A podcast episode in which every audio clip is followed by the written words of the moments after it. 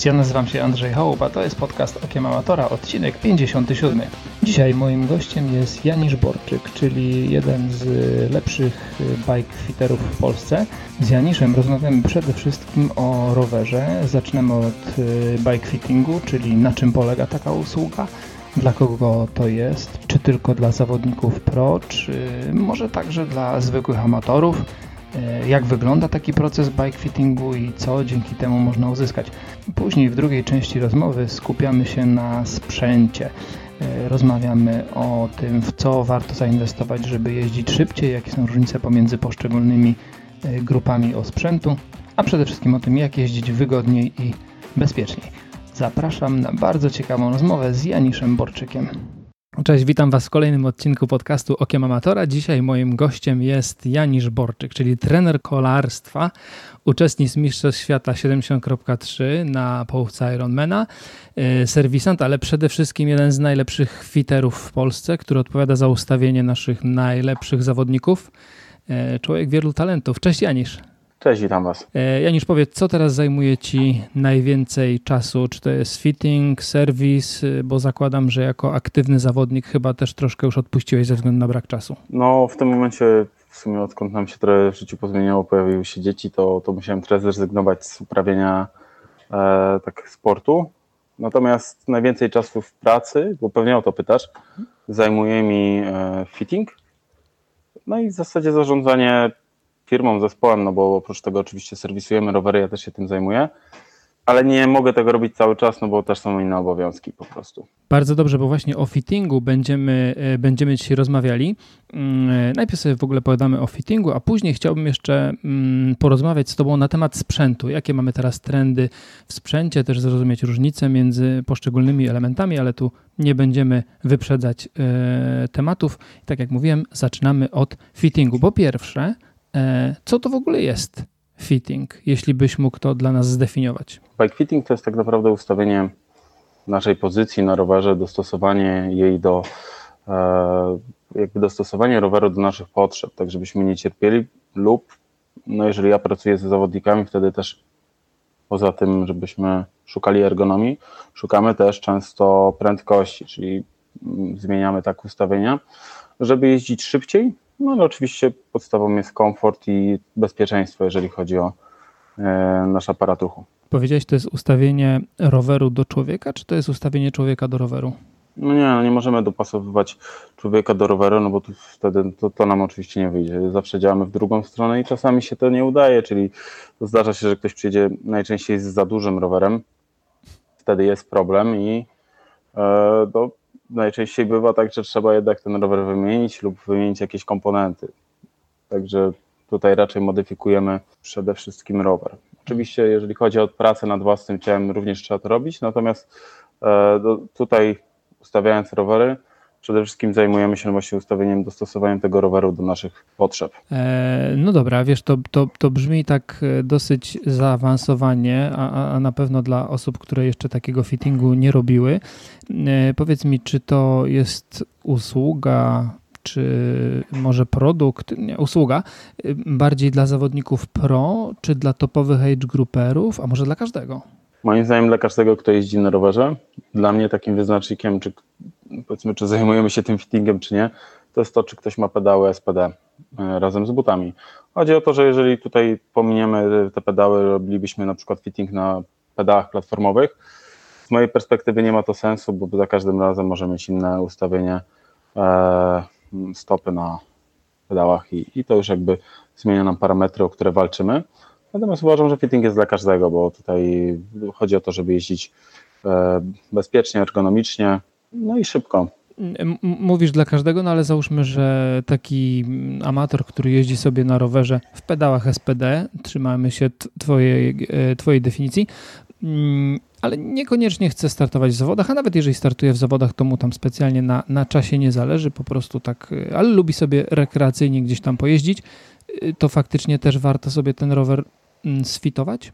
Jasne, że tak, bo tutaj takie najczęstsze problemy, z którymi my się spotykamy podczas pracy, my my jako bikefiterzy, to jest to, że y, klient przychodzi i mówi, że ma problem, najczęściej jest problem ze stopami, e, z bólem kolan, z niewygodnym siodełkiem, bóle pleców, najczęściej jest to odcinek lędźwiowy kręgosłupa, no i drętwiące dłonie, tutaj w przypadku rowerów szosowych czy gravelowych, to też jest, to są takie rzeczy, które moich klientów i na pewno nie tylko moich pojawiają się najczęściej, z którymi cudzysłowie walczymy. E, czyli też y, nie tylko, tak jak powiedzieć, nie tylko szybkość, nie tylko bezpieczeństwo, ale też komfort e, przede wszystkim. Dla mnie tak czy inaczej zawsze ten komfort jest na pierwszym miejscu, bo nawet jeżeli będę pracował z jakimś topowym major grouperem, tak jak wspomniałeś, czy z zawodnikiem pro, wtedy jeżeli tak, taka osoba, taki zawodnik czy zawodniczka mm, nie ma wystarczająco dużo komfortu, no to też ta prędkość będzie wraz z dystansem spadała, generowana moc też będzie spadała, dyskomfort będzie rósł, więc tutaj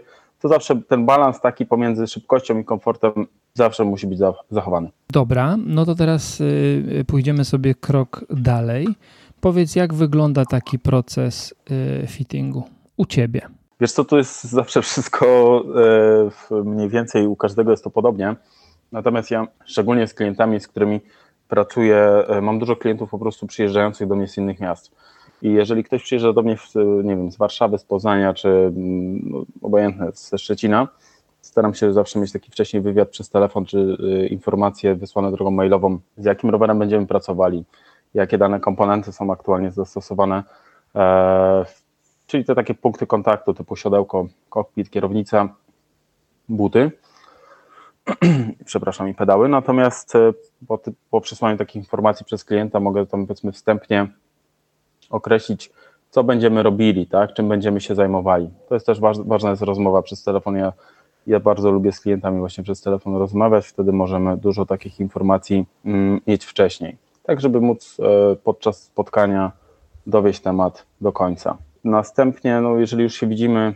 u mnie na miejscu we Wrocławiu, wtedy no, pierwsze co to znowu po przywitaniu się też przeprowadzamy jakieś rozmowy, e, rozmawiamy na ten, ten temat, gdzie leży powiedzmy problem, bo są, są klienci, którzy szukają czysto komfortu i mają problemy na przykład z samym siodełkiem, a są tacy, którzy na przykład kupili pierwszy rower i też trzeba ich gdzieś tam poustawiać, nawet e, pokazać w jaki sposób wpinać się w pedały. To są często takie sytuacje, więc e, przekrój zawodników, z którymi pracuję, ludzi jest, jest ogromny, zarówno pod kątem e, jakby umiejętności, jak i też powiedzmy taki przekrój zawodowy, bo z każdej grupy, powiedziałbym, zawodowej chyba klienci do mnie trafiają.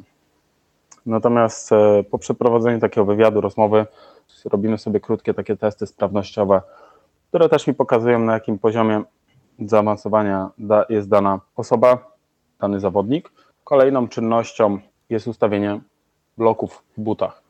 Tutaj zaczynamy od dołu, czyli najpierw stopy, czyli buty, to jest pierwszy punkt kontaktu z rowerem.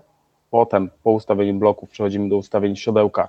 Jeżeli jest potrzebny dobór takiego siodła, e, bo ktoś ma problemy z e, tym, że po prostu siodełko oryginalne jest niewygodne bądź e, nie wiem, powoduje jakieś obtarcia, wtedy dobieramy siodełko. Jak mamy te dwa elementy złożone, przechodzimy do ustawienia kokpitu bądź kierownicy, w zależności od typu roweru.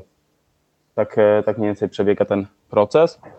Całość trwa między 3-4 godziny, natomiast zdarza się, że oczywiście przy niektórych typach rowerów uda się to zrobić szybciej, a przy niektórych potrzebujemy więcej czasu. Tutaj kilka pytań mi się nasunęło po drodze, a mianowicie powiedziałeś, że pracujesz z zawodnikami czy też z osobami na każdym poziomie za zaawansowania.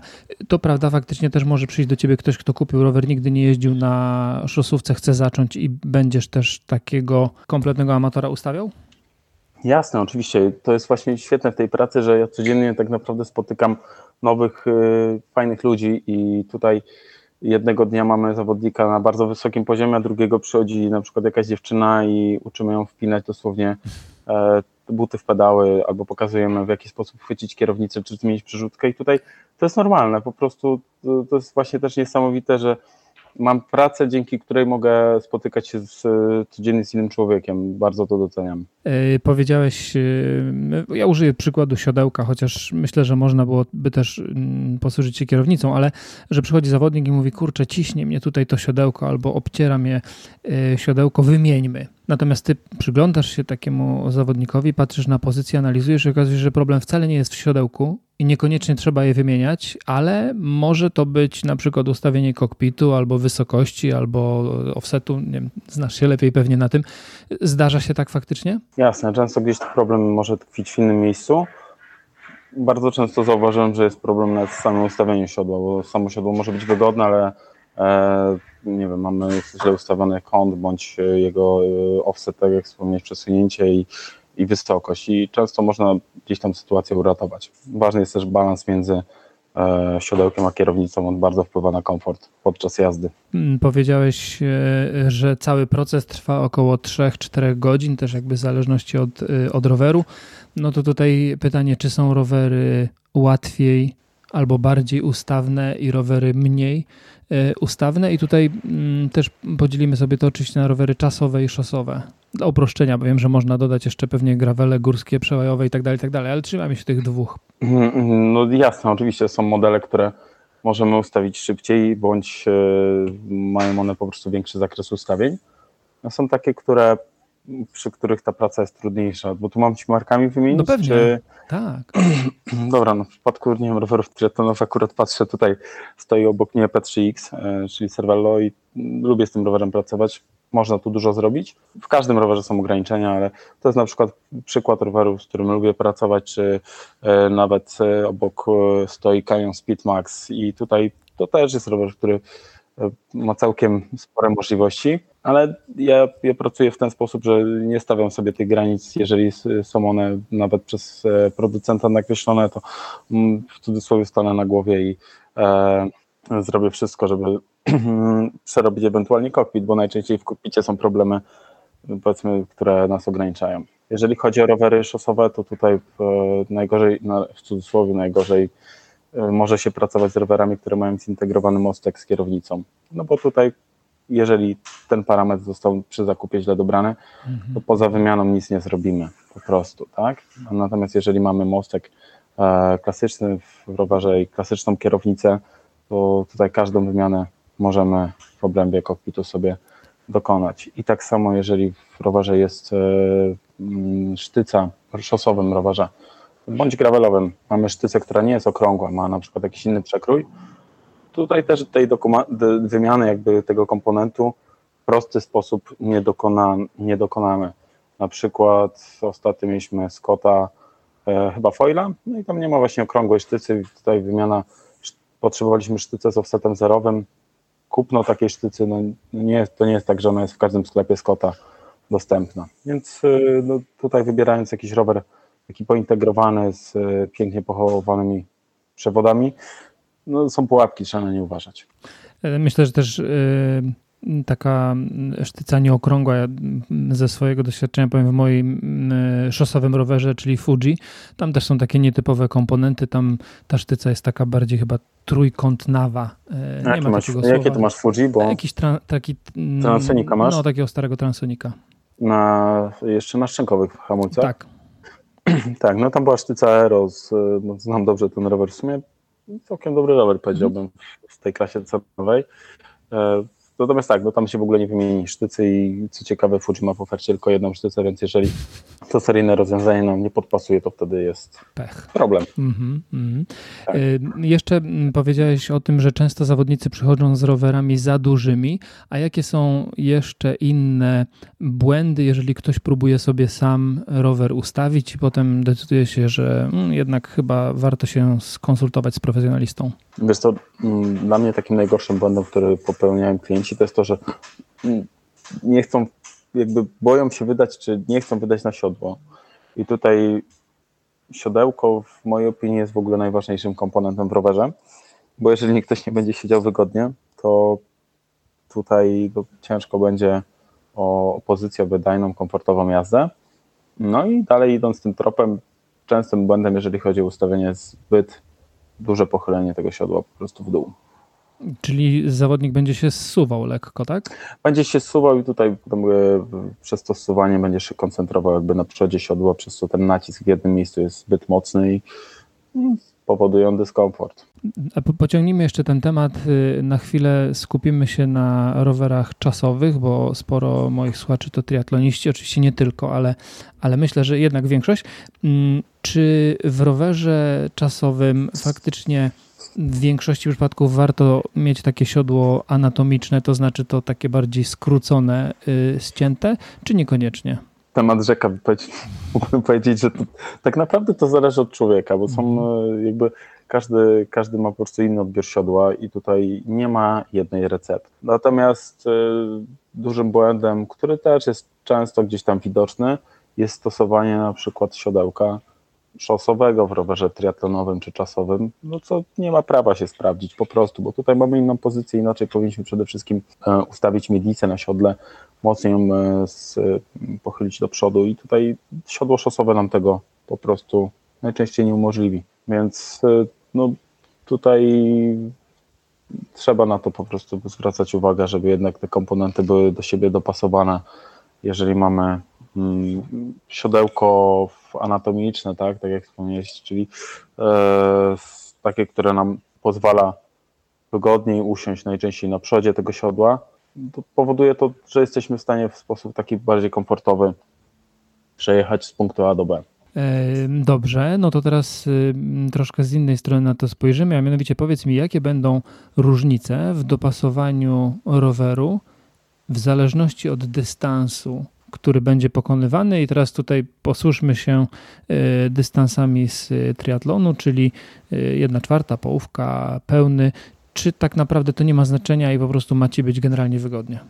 Jeżeli byśmy wzięli na tapetę krótki dystans nawet powiedzmy przejdę dalej, sprinterski i dystans, porównamy to z dystansem całego Ironmana, czy nawet z połówką, no to musimy wziąć pod uwagę, że na tym sprincie, no to w najgorszym wypadku zagryziemy te zęby, nawet jak gdzieś tam troszeczkę będzie bolało na tym siodle, to, to chwila, moment jesteśmy już w strefie zmian, więc y, na to musimy zwrócić uwagę. No przede wszystkim im dłuższy dystans, tym więcej trzeba zwracać uwagę na komfort, no bo pewne rzeczy na krótkim dystansie mogą zostać wybaczone jeżeli ktoś się ściga w ogóle na jakimś dystansie sprinterskim albo na, w ogóle na dystansach e, z draftem, to jest w ogóle zupełnie inna jazda. Tam często, e, jeżeli jedziemy w jakiejś grupie, no to już musimy zacisnąć zęby i dać siebie wszystko. W przypadku dystansu takiego jak jedna, druga czy pełny Ironman, e, najczęściej zmniejszamy trochę drop, czyli tą różnicę wysokości między siodłem a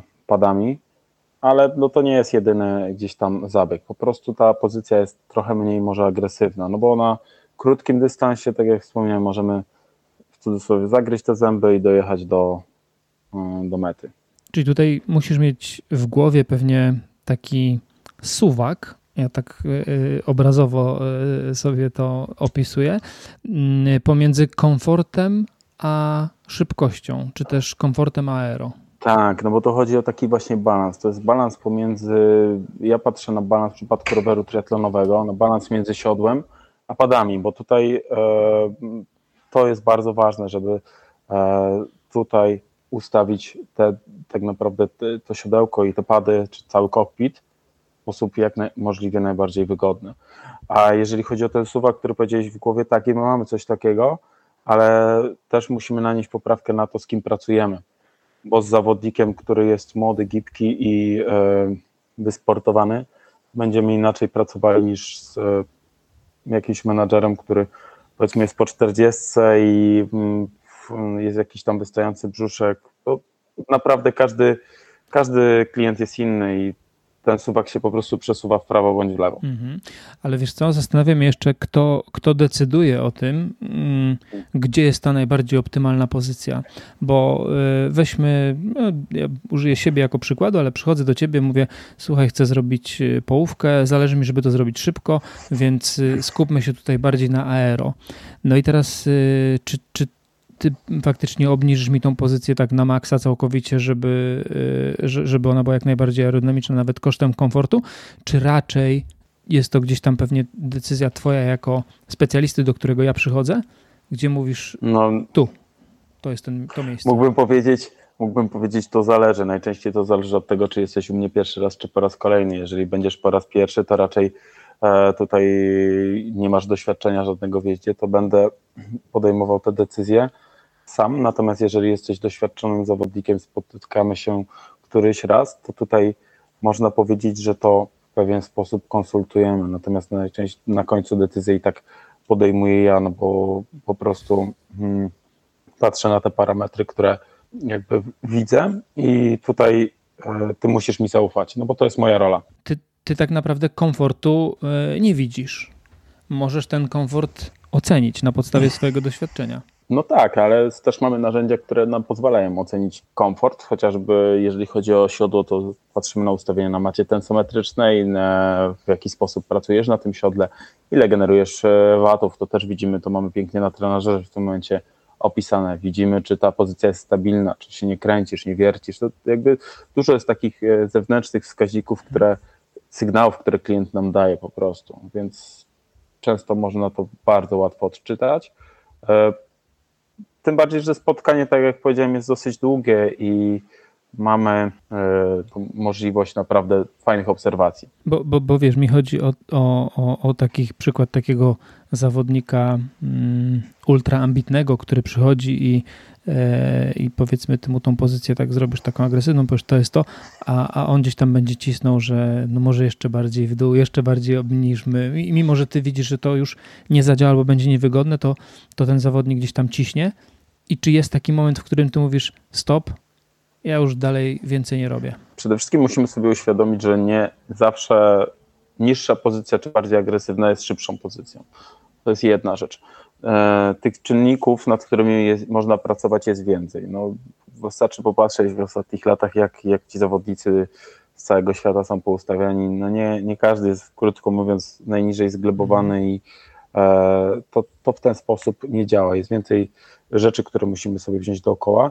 No i są zawodnicy, których e, klienci, których trzeba e, mocno stopować, po prostu, no bo są pewne granice, których nie ma sensu przekraczać. I zacząłeś mówić o, o tym, żeby popatrzeć, jak zawodnicy są poustawiani, no to e, w takim razie powiedz, są jakieś takie trendy albo mody, w fittingu, które możemy obserwować i jaka jest teraz? Bo ja ci mogę powiedzieć, co wynika z mojej obserwacji, ale oczywiście moje mhm. doświadczenie będzie dużo mniejsze niż twoje.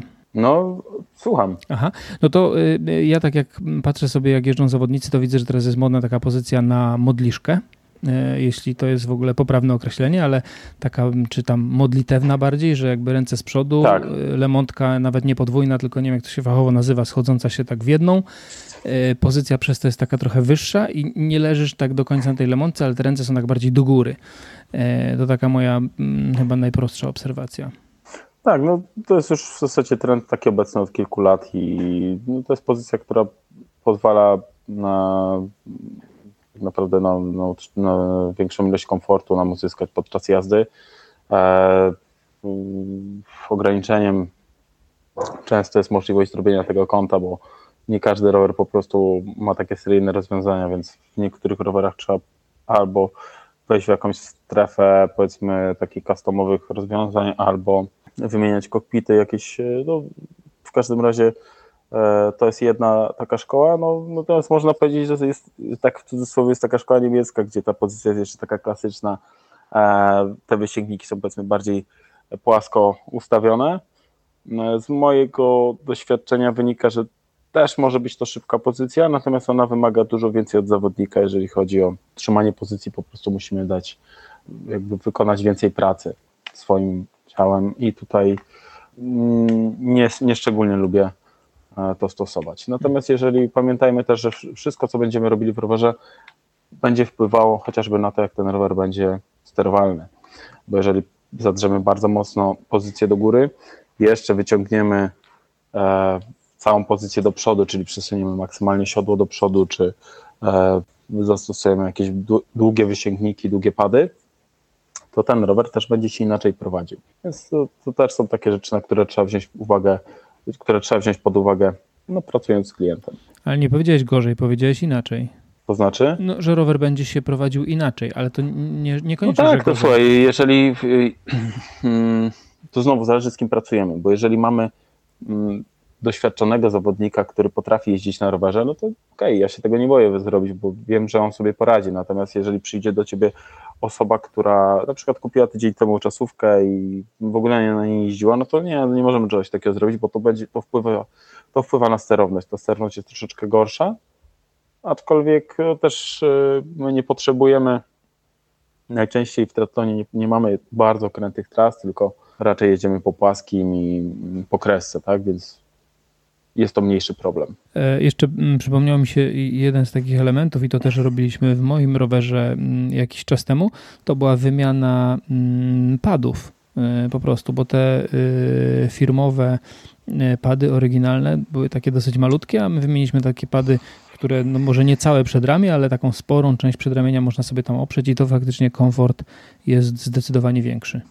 E, jasne, no w ogóle ja uważam, że w padach jest oj, naprawdę bardzo duży potencjał, jeżeli chodzi o rowery triatlonowe. E, tutaj bardzo lubię wymieniać klientom te kokpity, bo, bo najczęściej robią duże oczy. Przede wszystkim mamy tutaj duży wzrost komfortu podczas jazdy. Seryjne pady, nie wiem, tak myślę, ale chyba nie spotkałem za bardzo jeszcze takich padów seryjnych w rowerze, żebym powiedział, o, te są super nic bym nie zmieniał. Naprawdę, bardzo rzadko się to zdarza, żeby, żeby był to ciekawy produkt.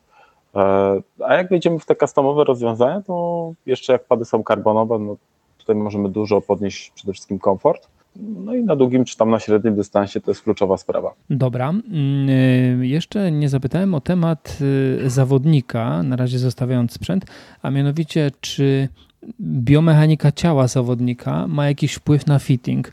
To znaczy, jak, jak bardzo jest to istotne i w jaki sposób jesteś w stanie to ocenić, chyba że pracujesz może z fizjoterapeutą albo bazujesz na swoim własnym doświadczeniu, gdzie, gdzie możesz to ocenić. Słuchaj, jasne, mm, musimy to wszystko wziąć pod uwagę. To jest jakby mm, jeden z elementów e, naszej pracy.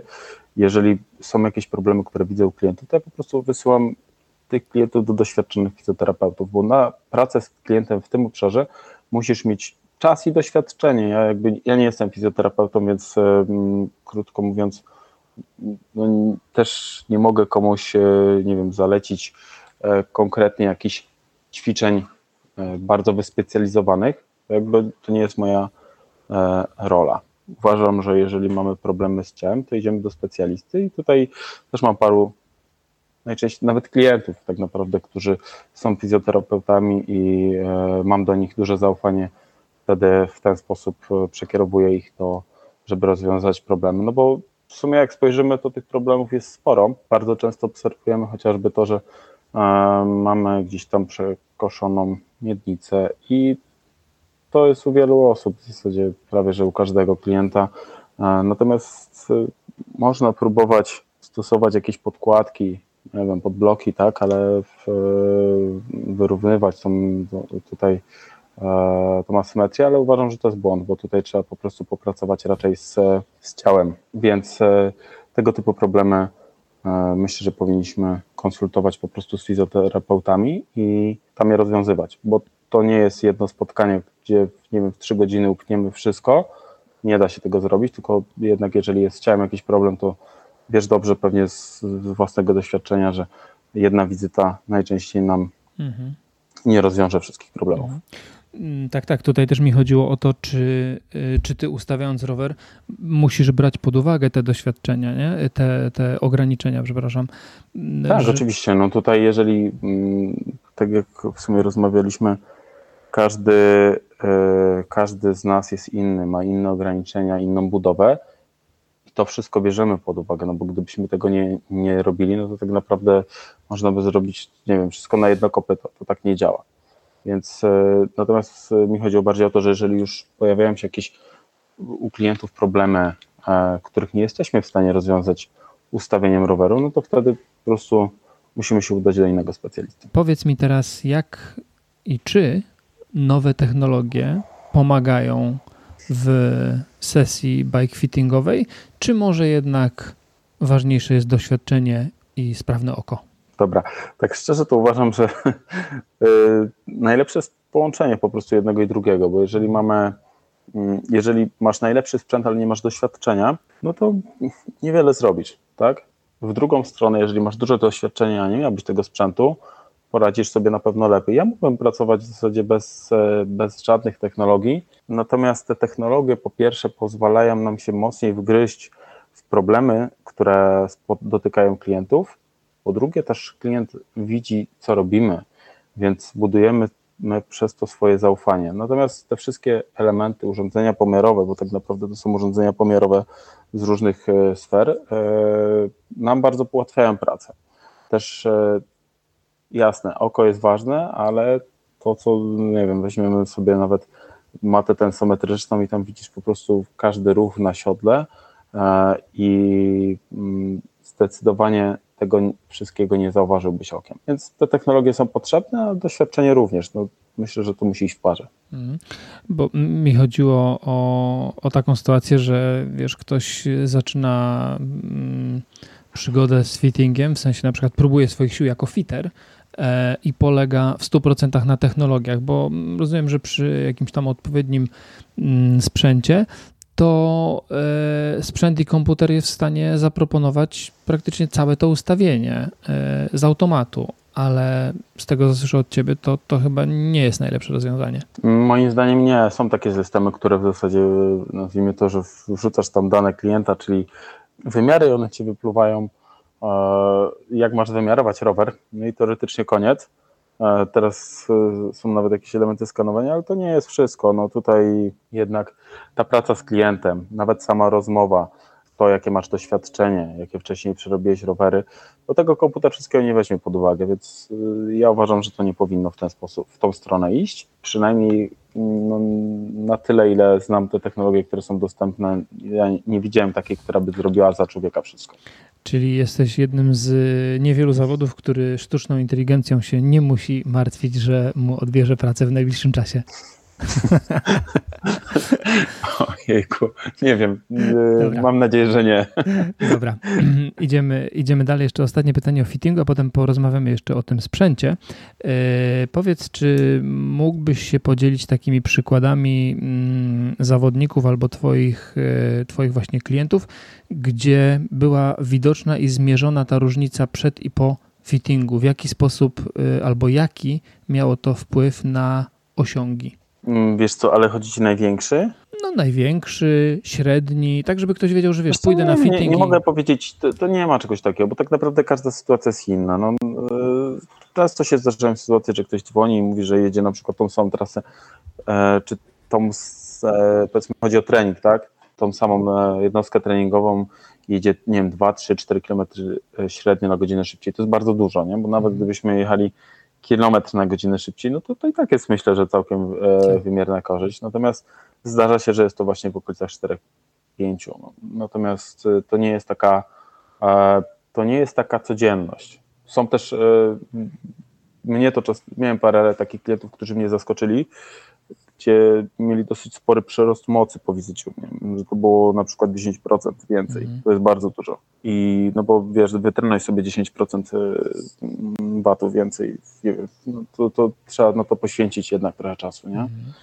I tak, zdarzają się takie historie, ale to nie jest u każdego, także to nie, jest, nie przyłożymy szablonu i nie obiecam, że tutaj każdy wyjedzie z tym samym wynikiem. Matko, odpowiadasz mi jak prawnik, to zależy na każde pytanie. Nie, no ale nie mogę, słuchaj, nie, nie, nie staram się unikać tego słowa w tej rozmowie, bo no ale tak jest, no tutaj niestety nie mogę powiedzieć, że każdy będzie jeździł 3 km na godzinę szybciej. No, A szkoda, nie fajnie by było, każdy będzie jeździł 3 km Fajnie na godzinę by było, szybciej albo plus 20 watów. Ale myślę, że myślę, że często się to udaje, naprawdę. To wynika też z braku świadomości jakby klientów, tak, zawodników, co możemy zrobić, żeby jeździć szybciej. No tutaj jakby no, temat jest długi i zależy jaką mamy, nazwijmy to, pozycję wyjściową, jaki mamy sprzęt, bo też teraz są czasy, że dużo możemy sprzętem jednak nadrobić, nie? Więc no, tak to jest. Idealnie mnie naprowadziłeś na dalszą okay. część, bo właśnie o sprzęcie teraz będzie. Y, a może zaczniemy od takiego bardzo podstawowego tematu, a mianowicie y, osoba kupuje sobie nowy rower i zastanawia się, jaką grupę osprzętu wybrać. I do wyboru mamy 105, Ultegrę i DI2. Już tak będziemy się trzymać takiego uproszczonego. Na razie SRAMA zostawimy na boku. Y, I jakie są różnice między tymi komponentami? Ale pytasz mnie o wszystkie grupy elektroniczne, bo teraz już wszystkie są elektroniczne, te, które wymieniłeś. No to nie wiem, to musisz troszkę tutaj pomóc. Załóżmy, że 105 i Ultegra zwykłe i te DI2 na końcu to taka pełna elektronika. Teraz też się skomplikowało, bo tak starymi czasami będziemy rozmawiać, ale okej. Okay. Nie, to powiedz jak jest teraz. Wiesz co, dzisiaj w ogóle była jakaś premiera 105 chyba nowej, więc e, jeszcze nawet nie miałem czasu na to e, spojrzeć. Natomiast jeżeli byśmy się przyjrzeli tym grupom, które były do tej pory, czyli grupie 8000, jeżeli chodzi o Ultegrę, 900, mm, jeżeli chodzi o Durace'a i e, tą 105 R7000, to można powiedzieć, że to są bardzo zbliżone grupy, jeżeli chodzi o 105 Ultegrę. Tam są różnice w materiałach, które powodują, że Ultegra jest trochę lżejsza, przez co może, będzie pewnie troszeczkę dłużej funkcjonować. E, przy, przy niektórych komponentach, tak jak korba czy mm, kaseta, będzie trochę większy e, pachlarz możliwości, jeżeli chodzi o dobór przełożeń czy, czy rozmiarów. I to są takie grupy, myślę, że ja lubię strasznie te komponenty takie typu 105, bo uważam, że te zawodnicze grupy typu Dura Ace, one są bardzo drogie, drogie są później też bardzo w eksploatacji. No i mm, co dają nam te wyższe grupy? Przede wszystkim gdzieś tam troszeczkę niższą wagę, może dłuższą żywotność. No na pewno Ace będzie miał dłuższą żywotność niż 105, natomiast też cena jest mocno wygórowana takich komponentów. Także taką sytuację, jeżeli chodzi o dobór sprzętu, pozostawiłbym już na mm, jakby, mm, no trzeba to dobrać do zasobności portfela, ale taka 105 też e, w zupełności jest wystarczająca, nawet do poważnego ścigania się, czy odpowiednik typu SRAM e, Rival, czy Grupa Force. To są naprawdę wystarczające komponenty dla, nawet dla zawodników. I wiele, wielu amatorów teraz odetchnęło z ulgą, że wcale niekoniecznie namawiasz na e, Dura Ace'a, ale, mm. ale nawet 105. Jak ktoś może sobie pozwolić, ok, fajnie, tylko że no to już po prostu nam mocno podraża zakup. A jeżeli chodzi o takie możliwości, to te grupy droższe no nie dają nam tak naprawdę wiele więcej niż, niż grupa ta średnia czy niższa. No, nie ma jakiegoś tam wielkiego przeskoku. To nie jest tak, że ta działa dwa razy szybciej no czy dwa razy lepiej. Nie ma czegoś takiego. Nie? One mają te same praktycznie technologie, które są poużywane. Więc y, to jest kwestia wagi i, i użytych materiałów. Ale myślę, to z tą wagą to też będzie y, kwestia, czy weźmiesz y, cały bidon, czy pół napełnionego. To myślę, to jest tego, tego, ty, tego typu różnice, tak? Zależy w jakim obszarze, no bo jeżeli weźmiemy sobie, nie wiem, korbę, tak, czyli ten yy, jeden z cięższych komponentów, to, to tutaj fajnie jest mieć coś, coś lepszej klasy. Po pierwsze masa yy, jest niższa, po drugie też sztywność takiego komponentu będzie większa, ale to też znowu jeżeli będzie to osoba lekka albo z niewielkim doświadczeniem, to no nie zauważy tej różnicy. Więc jeżeli znowu mamy zawodnika, który wchodzi do takiego amatorskiego uprawiania sportu, to on raczej nie szala jakoś strasznie, tylko poszedł taki taki fajny środek. E, to jeszcze tylko, żeby dokończyć o grupach osprzętu, to czy warto inwestować w grupy elektroniczne? Jeżeli ktoś sobie może pozwolić, to uważam, że tak, szczególnie jeżeli ktoś, jeżeli ktokolwiek myśli o zakupie roweru z, integra- z pointegrowanym rowerem, nawet szosowym, tak, gdzie mamy integrację kokpitu, e, mostek jest razem z, być zintegrowany z kierownicą, czy mamy jakieś wewnętrzne prowadzenie przewodów w mostku i kierownicy, to naprawdę warto bo jeżeli przy, e, będziemy mieli grupę mechaniczną w takim rowerze, to potem bardzo ciężko jest raz, żeby zrobić e, serwis takiego roweru i to będzie drogi, e, drogi serwis, a druga sprawa, że te komponenty wtedy gorzej działają, bo linki są po prostu mocno pozaginane. Więc jeżeli możemy sobie na to pozwolić, to uważam, że warto.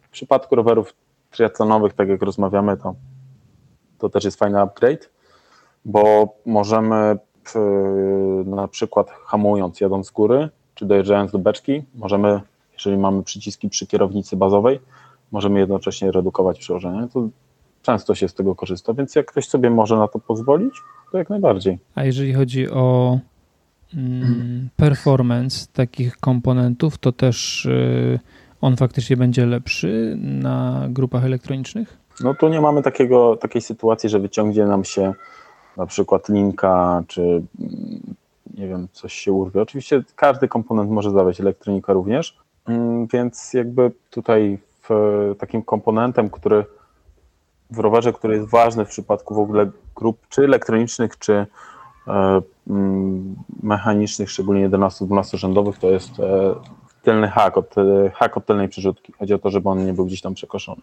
bo to bardzo mocno wpływa gdzieś tam na, na to, w jaki sposób te grupy pracują. Natomiast czy więcej osiągniemy na mechanicznych przerzutkach na, niż na e, przepraszam, na elektronicznych niż na mechanicznych, tego bym, bałbym się to powiedzieć, bo możemy popatrzeć sobie, był jakiś taki zawodnik e, Andrew Storykowicz, który jeździł całą karierę na mechanicznej grupie, mimo że mógłby sobie mógłby dostać pewnie pięć rowerów z elektroniką, ale nie chciał, a jego wyniki na rowerze naprawdę są imponujące nawet w dzisiejszych czasach. Tak, tak, tak zwany Uber Biker.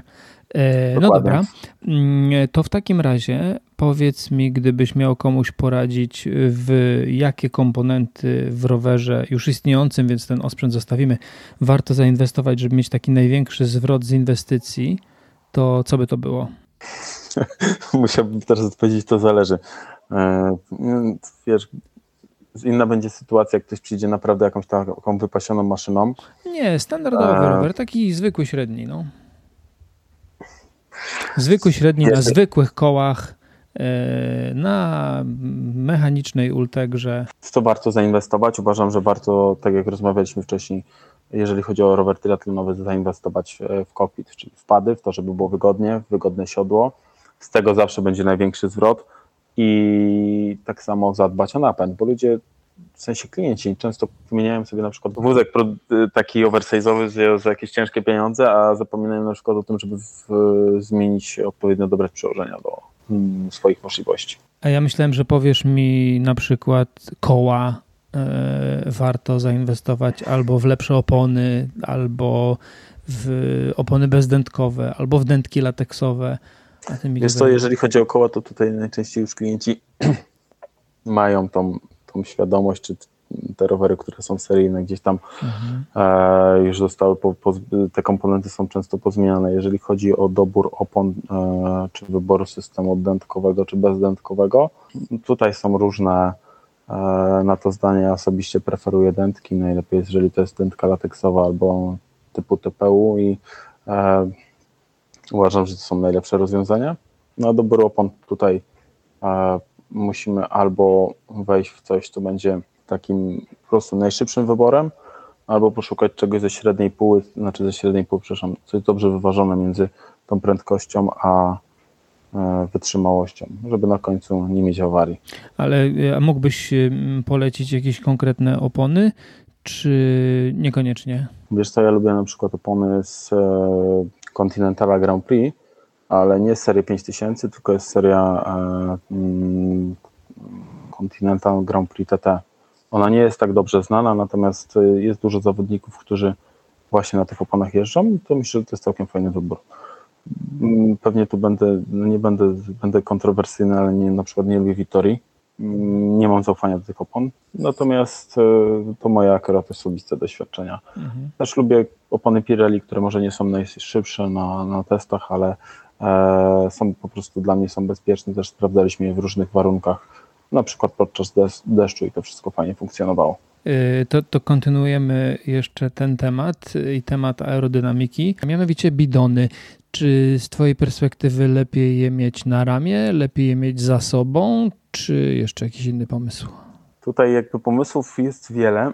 Wszystko będzie, wszystko będzie nam determinował na przykład rower, który będziemy mieli. Jeżeli masz rower, który ma dobrze rozwiązaną e, to jakby funkcję nawadniania, czyli e, zabudowaną w ramię jakiś bukłak typu właśnie jest to w Speedmaxie, no to możesz z tego próbować korzystać i to już będzie jakiś tam punkt e, jeden rozwiązany. Ja uważam, że najlepiej jest mieć bidon jeden co najmniej na kokpicie, bo nie mhm. musimy w tym momencie żadnych gdzieś tam wykonywać ruchów, żeby się po prostu napić. Jeżeli nie ma miejsca na samym kokpicie między padami, to można go gdzieś tam wkleić pod kokpit i to są też rozwiązania, które często stosujemy. Potem dla mnie drugim polem wyboru będzie kokpit na dolnej rurze, czy to tam na tej zabudowie, którą mamy, bo niektóre rowery mają gdzieś tam zabudowany ten dolny trójkąt.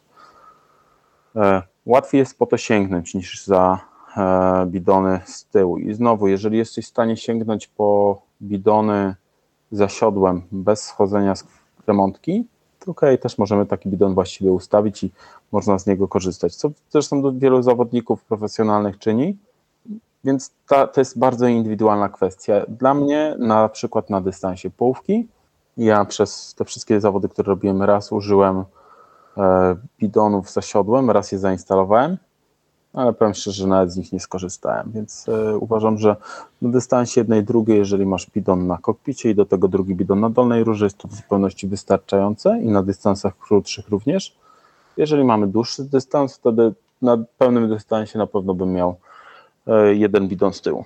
No dobra, e, a jeżeli chodzi o kaski, to jakie są teraz trendy mody w kaskach, bo to też się zmienia. Kiedyś były takie z długim ogonem, ale obcy, teraz się trochę mniej tego widzi. Tak, te trendy się zmieniają też e, w ostatnich latach.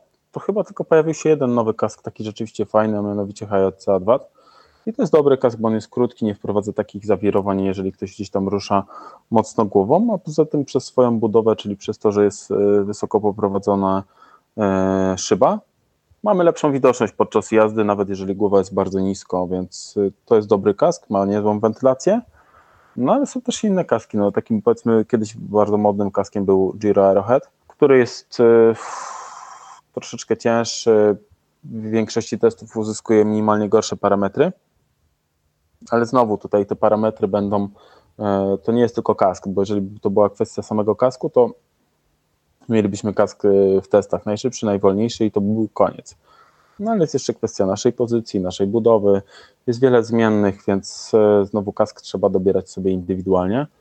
Tak jak mówiłem, lubię pracować z adwatami, ale też y, ciekawym, fajnym kaskiem jest nie wiem, kask Bambino, czy e, sporo zawodników też używa Meta. Tutaj bym wybrał Kodadronkę. No, jakby no to mój akurat jest wymieniłeś. No, meta na przykład y, jest też Medydron, ale uważam, że to jest kask już z długim ogonem.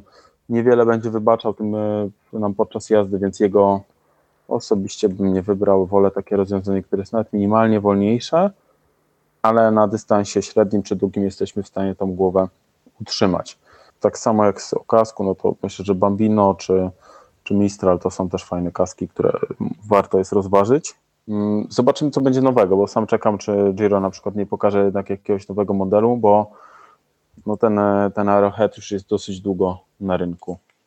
I to samo jest z rowerami, bo pytałeś na wstępie o rowery. Mam nadzieję, że w tym roku się coś pokaże chociażby na Hawajach, mimo że e, no może być różnie, ale no jak spojrzymy na flotę, tak jak powiedziałem na wstępie o Cervelo czy o Canyonie, no to są firmy, które już mają te rowery dosyć długo na rynku i mhm. w sumie wypadałoby coś odświeżyć tych ramach.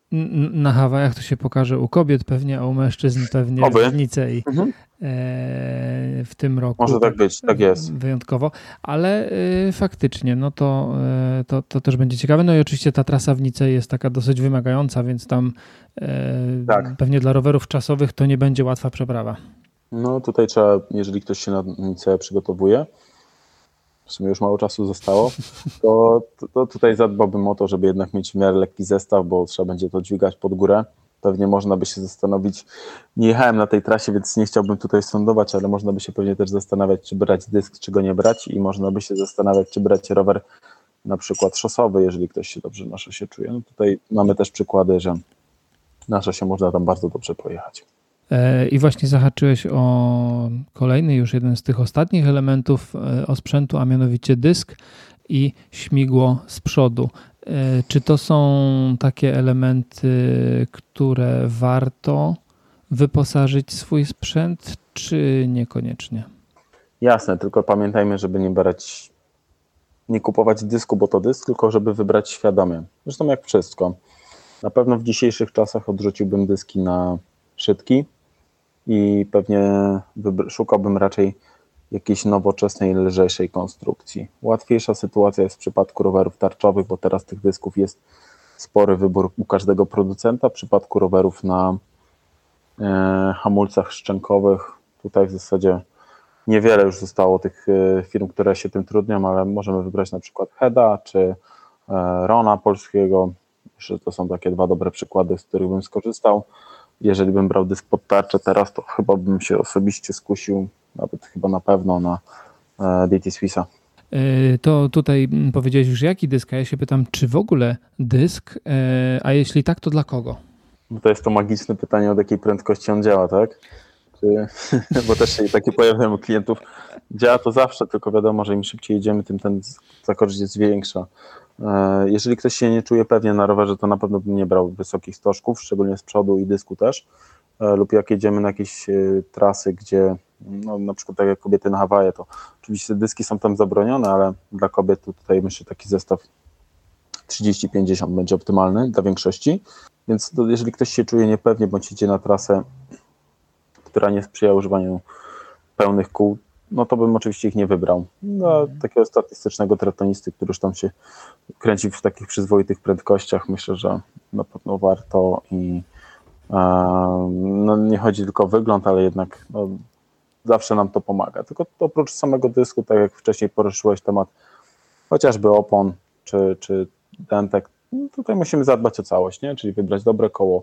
Koło pamiętajmy też, że jeżeli weźmiemy hmm, szczególnie jeszcze tą starą erę rowerów takich na hamulcach e, szczękowych i weźmiemy na przykład za szerokie koła, to coś może ze sobą nie działać po prostu idealnie, nie? Może być problem gdzieś tam z hamulcem, czy coś obcierać e, opona o e, w któryś element ramy, więc trzeba sobie też te, ten osprzęt dobrze dobrać, żebyśmy nie kupili czegoś, bo fajnie wygląda, ale no, działa trochę gorzej.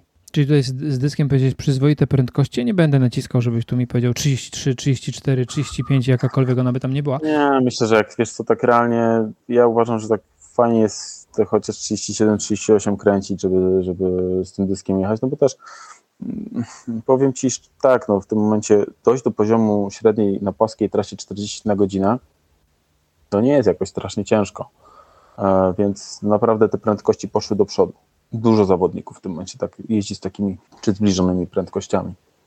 Więc e, można to zrobić i to jest myślę, że taki etap. No bo też e, jeżeli ktoś idzie 32 na godzinę, to ten dysk czasami może po prostu nawet nie tyle dawać, co może gdzieś tam przeszka przeszkadzać na e, chociażby w trakcie mm, rozpędzenia, no bo statystycznie dysk pewnie będzie troszeczkę cięższy niż E, koło z jakimś tam stożkiem 5-6 cm.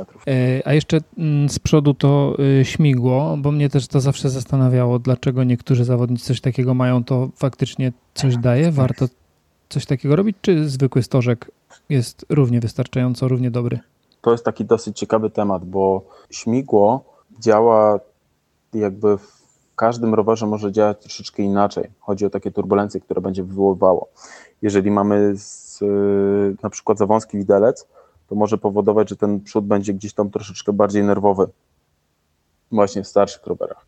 E, ja miałem taką sytuację, że jeździłem na takim zestawie, miałem śmigło i dysk z tyłu i to był super zestaw, bo ten śmigło daje, jest dużo sztywniejsze niż takie klasyczne koło szprychowe e, i jak już się rozpędzisz na takim zestawie, to naprawdę fajnie idzie, ale jeżeli jedziemy z niskimi prędkościami, to wtedy te prowadzenie roweru jest trudniejsze, on jest taki nerwowy, więc też trzeba brać takie rzeczy pod uwagę, nie? na jakiej trasie jedziemy, e, jaką mamy masę zawodnika. W mojej opinii, mówię o swoich doświadczeniach, bo ja też będę miał inne do, odczucia, bo jestem wysoki, ważę wiesz, około e, 85-8 kg, więc e, jestem cięższy pewnie niż statystyczny zawodnik i ten wiatr, który powiedzmy jest gdzieś boczny, dla mnie na śmigle i dysku był mniej odczuwalny, zdecydowanie mniej, niż na przykład na 50 czy 60 mm stożku z przodu i dysku. Więc takie koło było dla mnie lepsze. Ale to nie znaczy, że dla każdego, bo jeżeli ktoś będzie lekką osobą, jaki zawodnik waży około 70 kg, to jego odczucia mogą być zupełnie inne. Naprawdę jest tyle zmiennych, że ciężko jest powiedzieć, że tak jest zawsze i, i jakby koniec. Mhm. I, I, tutaj mm, z pomocą znowu przychodzi konsultacja z profesjonalnym e, fiterem, który pewnie będzie w stanie coś podpowiedzieć. Tak, ale też możemy, mamy wiele znajomych, można po prostu sobie jakieś tam, jeżeli chcesz jakieś wiem, koła kupić, czy kask kupić, to może zanim go kupisz, po prostu nawet można poprosić jakiegoś znajomego i coś pożyczyć, tak, i sprawdzić, czy te koła nam odpowiadają, zanim wydamy tam kilka tysięcy złotych. Teraz e, to, co Ci wcześniej mówiłem o doborze kół do roweru. Ostatnio słyszałem o takiej sytuacji, że nie chcę wymieniać jakby o jaki zestaw kół i roweru chodziło, natomiast no, zawodnik kupił sobie do bardzo wysokiej klasy rower, mhm. bardzo wysokiej klasy koła i krótko mówiąc one ze sobą nie grały. Mówię o nowoczesnej konstrukcji, gdzie e, po prostu te koła powodowały, że przód robił to, co Ci mówiłem, czyli wpadał w takie turbulencje i rower przez to był niestabilny. Po wymianie kół na koła innego producenta e, no, ten problem jakby już się nie pojawił. Więc czasami są takie sytuacje. Nie, nie wszystko ze sobą pasuje. Tak samo nie każda, e, szczególnie w tych nowych kołach, e, nie każda opona pasuje z każdym kołem. To też trzeba sobie zdać z tego sprawę. Teraz wchodzimy w technologię hookless, gdzie e, nie ma tych takich ząbków, rowków na kołach i e, nie każda opona jest kompatybilna z każdym kołem. Niektórzy producenci dają te jakby, no, na przykład Zip daje tabelę kompatybilności e, kół z oponami. Także też przed zakupem warto sobie to sprawdzić, co kupujemy. A jakbyś tak na koniec jeszcze miał powiedzieć jakiś taki nieoczywisty komponent albo nieoczywisty upgrade roweru, o, o czym mało kto myśli, a z Twojej perspektywy to dużo daje, E, albo nawet może nie, nie dużo daje, ale nie wiem, poprawia komfort, coś, coś takiego, o czym często zapominamy. Wiesz to dużo, dużo rzeczy, dużo klientów, to się na szczęście zmienia, ale bo y, jakbyśmy porozmawiali o tym 3 lata temu, to bym się nie wahał powiedzieć, że jest to korba. E, chodzi mi tu o skrócenie korby w triatlonie, bo wtedy bardzo mało osób to robiło. Teraz na szczęście ta świadomość się poprawia, ale dalej nie każdy jest w stanie, e, nie każdy o tym myśli, że to jest fajna rzecz i jakby warto to zrobić, trzeba tu jakby dalej klientom tłumaczyć. A co to daje? Dużo jest parametrów, na które nam to wpływa. Przede wszystkim no, zmieniamy, otwieramy sobie kąt w biodrach. Jest jakby, jeżeli mamy taką sytuację, że uderzysz nie wiem, kolanami o klatkę piersiową, no to, to na przykład może ten efekt będzie się zmniejszał, czy też e, zmniejszać się nacisk na siodle. Skrajna sytuacja, którą kiedyś miałem u klientki, tylko że to była też e, niewysoka osoba miała korbę 175, to uderzała kolanami opady, więc na przykład tutaj to też nam pozwoliło e, z, jakby unikać tego. Z mojej perspektywy takim najfajniejszą rzeczą jest to, że jednak otwieramy kąt w biodrach, więc te biodra nie, nie są tak e, po prostu, tak kolokwialnie mówiąc, zmęczone po jeździe. Łatwiej nam jest iść przez to wyjść, spionizować się na ten etap biegowy i dodatkowo nie mam co prawda na to zrobionych badań, ale u wielu klientów obserwujemy, że jednak zmienia się trochę profil mocy, czyli po prostu tą moc, którą jesteśmy, mamy wytrenowaną, ona jest w stanie się utrzymywać przez dłuższy czas. Mhm. To są dla mnie tak naprawdę takie najważniejsze rzeczy. Bardzo dobry przykład. E, Janisz, dziękuję Ci bardzo za tą rozmowę. Myślę, że mamy bardzo E, ciekawe i takie fajne podsumowanie zarówno odnośnie fittingu, jak i e, odnośnie sprzętu. Dużo dobrej wiedzy. Oczywiście zapraszamy potencjalnych zawodników do Ciebie na konsultacje i na fitting. Jak ktoś będzie chciał, to się do Wrocławia będzie musiał pofatygować. A ja ze swojej strony bardzo Ci dziękuję za dzisiejszą rozmowę. Też dziękuję również za rozmowę.